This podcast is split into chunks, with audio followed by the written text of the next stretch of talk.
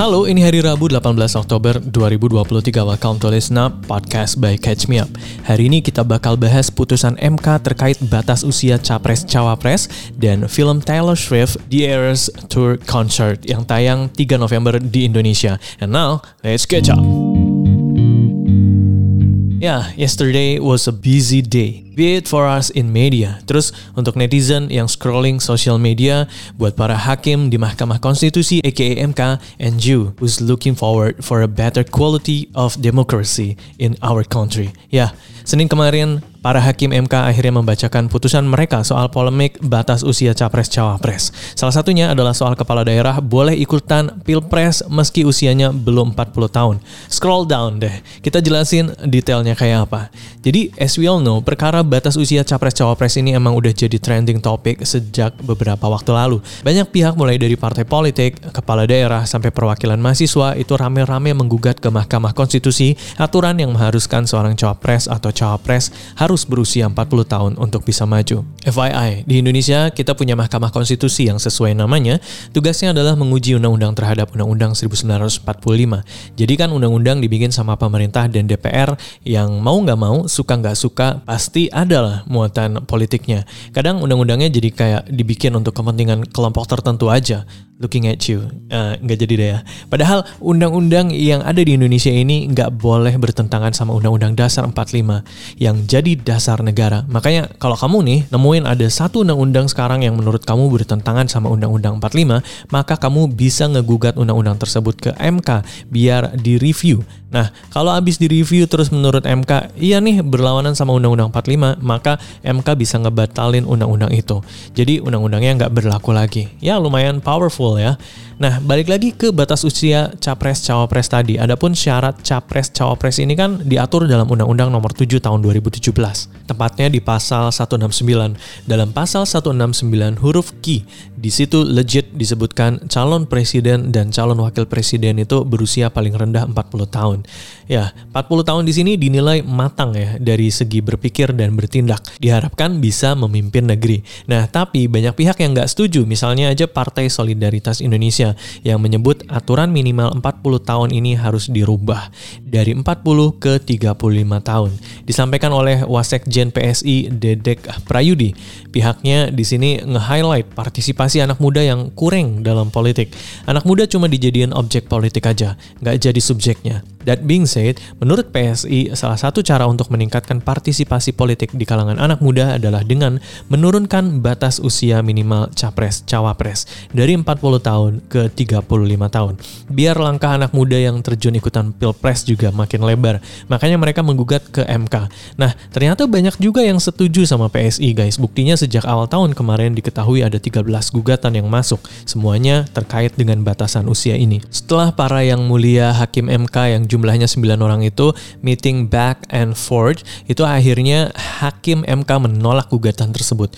Note yang ditolak gugatan PSI ya, tapi masih ada 12 gugatan lain dengan pokok gugatan yang hampir sama. Selain PSI, ada juga gugatan yang diajukan circle-nya Wakil Gubernur Jawa Timur Emil Dardak. Ya, Mas Emil barengan sama Wali Kota Bukit Tinggi Erman Safar, Wakil Bupati Lampung Selatan Pandu Kesuma Dewangsa juga mengajukan gugatannya ke MK terkait batas usia capres-cawapres ini. Menurut gengnya Mas Emil, ada alternatif lain atau bisa jadi syarat seorang bisa capres-cawapres, which is berusia minimal 40 tahun atau memiliki pengalaman sebagai penyelenggara negara. Lebih jauh, Mas Emil bilangnya alasan dia mengajukan gugatan itu sama sekali nggak terkait sama perpolitikan 2024 guys, tapi pure karena dorongan dari mahasiswa yang pengen melakukan terobosan hukum dan break the boundaries. Intinya, jangan sampai ada tokoh muda yang potensial dan mumpuni tapi kehalang usia. Katanya gitu. Hasil di MK ya sama kayak PSI. Ditolak juga alasannya pun sama karena dinilai tidak beralasan menurut hukum. Ini seperti Cristiano Ronaldo yang jago ngegocek lawan ya. MK juga jago ngegocek kamu.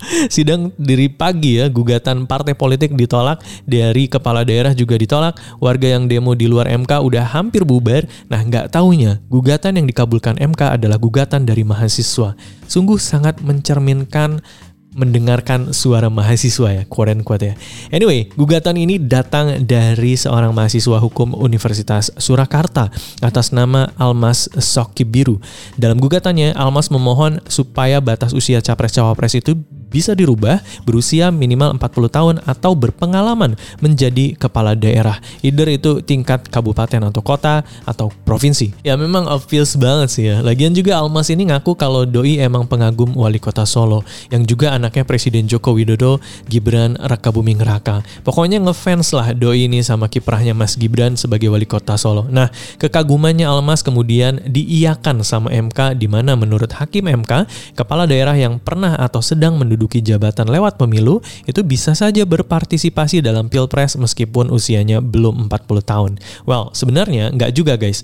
4 dari 9 hakim ada yang masih dissenting opinion, alias masih ada pendapat yang berbeda. Adapun hakim yang menyatakan dissenting opinion itu Arif Hidayat, Suhartoyo, Wahiduddin Adams, dan Saldi Isra. Dalam pernyataannya kemarin, Saldi Isra bahkan menyebut dia bingung banget gengs. In his words, Pak Saldi bilangnya begini. Baru kali ini saya mengalami peristiwa peristiwa aneh yang luar biasa dan dapat dikatakan jauh dari batas penalaran yang wajar jadi emang guys, Pak Saldi menyampaikan bahwa dalam waktu rapat permusyawaratan hakim EKE RPH yang digelar tanpa dihadiri Anwar Usman selaku ketua MK, para hakim itu udah sepakat kalau mau mengubah pasal 169 di mana salah satunya ngomongin soal batas usia capres cawapres. Wewenangnya itu ya ada di pembentuk undang-undang alias legislatif alias DPR. However, waktu 9 hakim full tim termasuk Anwar Usman juga ada di situ ngomongin gugatannya Almas, eh keputusannya malah berubah 180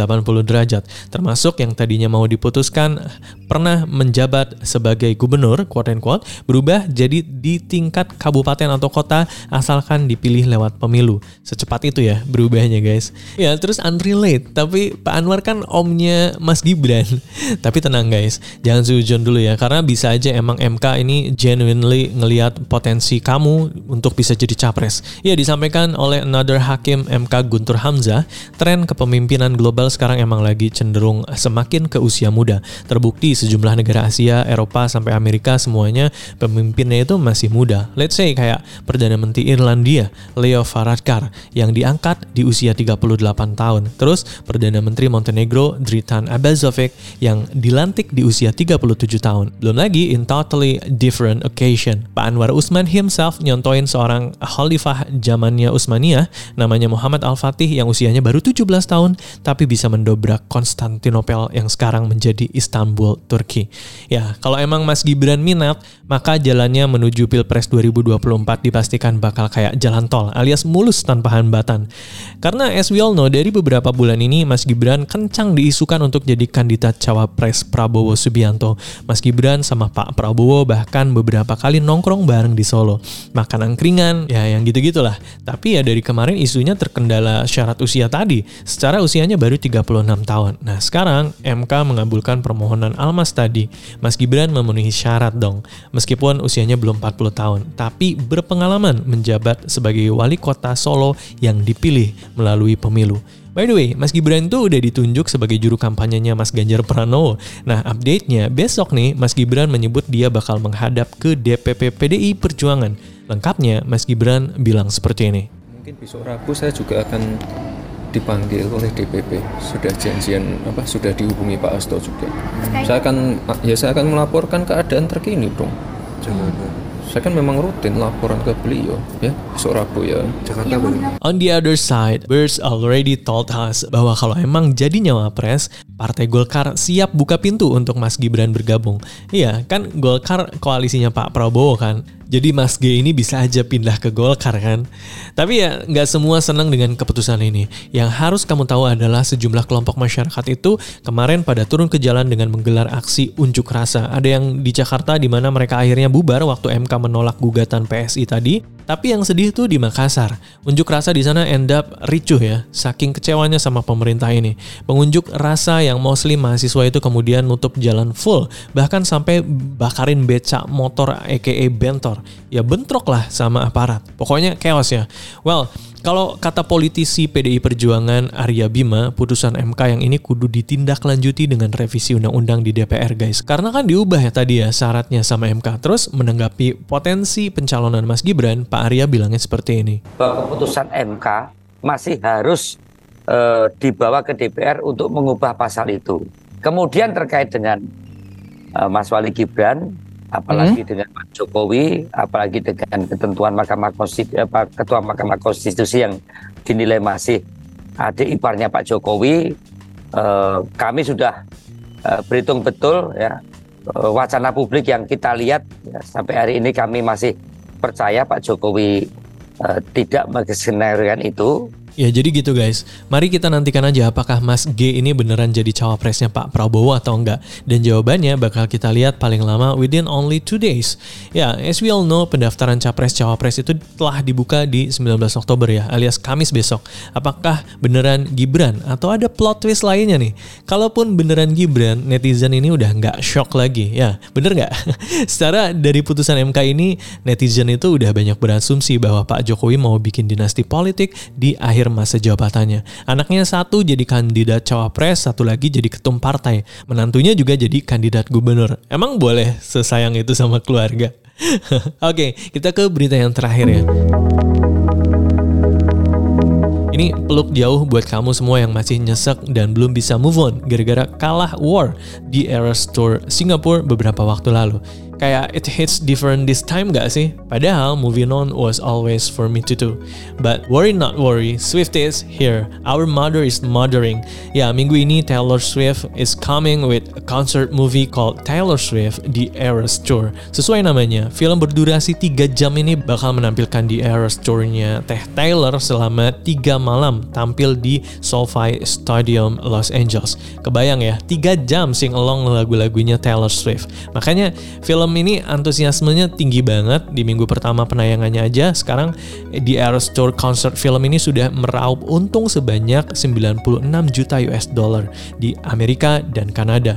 Belum lagi di Inggris, Meksiko, Australia, Jerman. Film ini sukses jadi box office nomor satu dan meraih keuntungan puluhan juta US dollar. Keuntungan ini bakalan terus bertambah seiring dengan penayangannya di negara lain yang upcoming 3 November mendatang, termasuk Indonesia. Ya nggak apa-apa ya, Teteh Taylor nggak ke sini, filmnya nyampe sini juga udah alhamdulillah kan. Oke, itu dia untuk episode Listen Up kali ini. Sampai ketemu lagi di episode selanjutnya di hari Jumat. Bye now!